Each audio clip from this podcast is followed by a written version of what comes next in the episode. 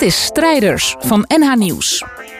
Een podcast over inspirerende Noord-Hollanders. Over werk, ambitie, dromen en successen.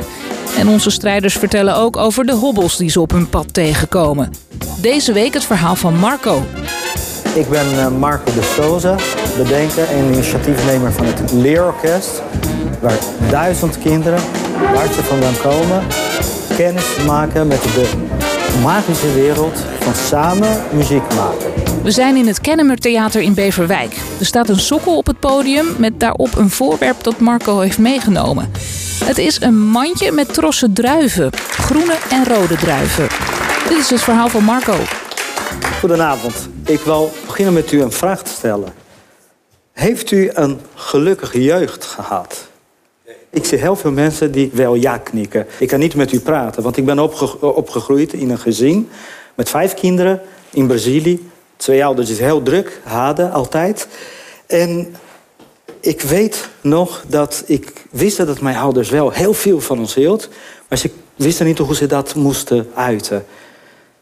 Als ik mijn ogen dicht doe, dan kan ik me herinneren nog, en ik zie eigenlijk voor me een klein Marcootje in een bed, in een slaapkamer, die eigenlijk probeerde zichzelf in slaap te brengen. Maar dat deed ik soms wel door te huilen. Want ik voelde me enorm alleen en ongelukkig.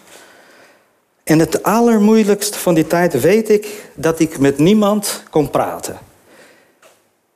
Maar dan gebeurde iets. Iets wat mijn hele leven later heeft veranderd. Mijn broer, mijn oudste broer, die kwam thuis met zo'n grammofoon uh, platenspeler. En hij kwam met allemaal uh, platen van hele mooie muziek. Dat was toen klassieke muziek, was allerlei soorten muziek. En dat maakte voor mij, opend voor mij een hele nieuwe wereld. Want door die muziek ging mijn fantasie, ging mijn gevoel helemaal open. Ik kon me door die muziek aan één moment me helemaal vrij voelen. En ik zag mezelf op een hele hoge berg bijvoorbeeld. En ik kon van daaruit de hele wereld zien. Maar één minuut later zat ik in Sevilla bij een hele uh, drukke plein waar gezongen, gespeeld, waar gegeten werd. Het was vrolijk. Maar door die muziek voelde ik me ook soms de koning, maar ook soms de jager. Die muziek deed er heel veel met mij mee. En op dat moment zei ik tegen mezelf, en ik was echt heel jong. Ik zei, ik word een muzikus. Ik word muzikant. En dat gebeurde ook. Want in datzelfde jaar kreeg ik een, mijn eerste gitaar met kerstmis. En ik ging uh, gitaar spelen, ik ging beentjes spelen, ik ging uit huis. En ik, uh, ik, wij waren altijd onderweg. Wij had, ik speelde in, in, uh, in concerten, ik kreeg applaus. Maar vooral wat ik merkte in die tijd heel sterk... is dat ik nooit meer alleen was. Want als ik iets wilde communiceren, als ik iets wilde vertellen aan iemand anders...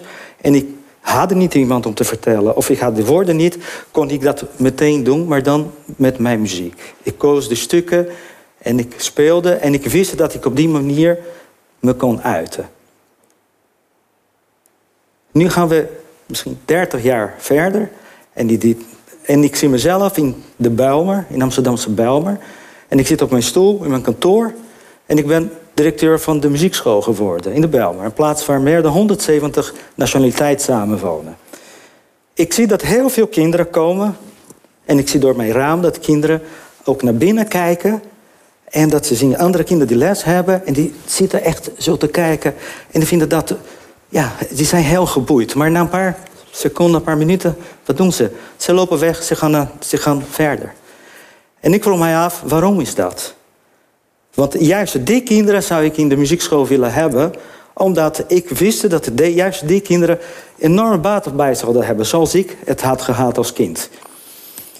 Toen met een aantal docenten hebben we bedacht... wij gaan met een heleboel instrumenten, met tientallen instrumenten... volgeladen auto, gaan we naar basisscholen. En daar leren we kinderen een muziekinstrument spelen.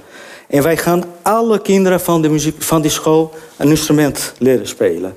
Want op een school geef je niet alleen maar. Op een basisschool geef je niet alleen les of uh, taalles aan de kinderen die later schrijver worden. Iedereen doet er mee. En zo wilden we ook met muziek doen. Want iedereen moest dat magische ervaring die ik had gehad, moest dat hebben.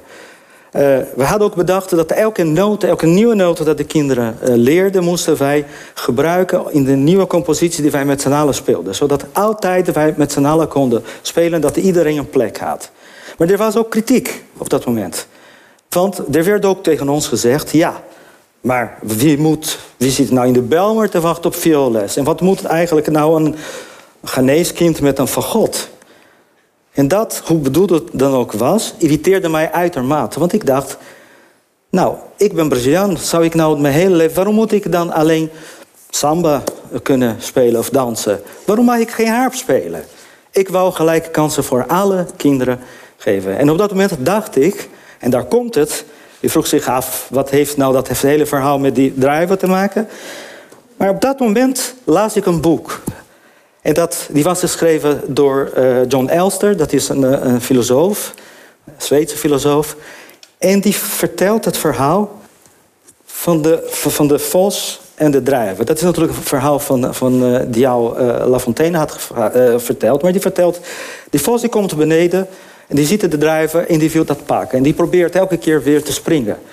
Maar die, die, die druiven die zijn te hoog. En dan tijd zegt de, de, de, de vos... Ja, ik denk dat ik toch niet lekker vind die druiven. Die zullen ongetwijfeld ook zuur zijn. En die loopt weg. En toen dacht ik aan onze kinderen. Want dat was precies waar ik op dat moment dacht van... Misschien is het zo dat al deze kinderen... die gaan niet muziek maken. Die kiezen niet voor het spelen van die instrumenten... omdat ze gewoon niet aangeboden wordt. Elster die vertelt, als je lang genoeg als je, als je, hij vraagt zich af waarom zou iemand iets wensen waar hij bij voorbaat al weet dat hij nooit zou uh, bereiken. Dat brengt ons alleen tot frustratie. Dus normaliter ga je dan ja, tegen jezelf zeggen: dit is toch niet voor mij. Met heel veel mensen, met heel veel strijders, ben ik uh, verder gegaan. En de dag van vandaag hebben wij niet alleen de Belmer, maar we hebben door heel Amsterdam, in alle migrantenwijken hebben we leerorkesten. Maar niet alleen daar, maar tientallen andere leerorkesten door heel Nederland zijn ontstaan. En niet alleen daar, maar ook in de Caribisch gebied, zoals Aruba, Curaçao en Bonaire. En ik ben super blij en super dankbaar aan al die mensen, al die docenten, al die vrijwilligers, al die sponsors, al die mensen die ons hebben geholpen in deze strijd om mogelijk te maken dat al deze kinderen konden ervaren dat magische wereld die ik ooit heb ervaren uh, als kind.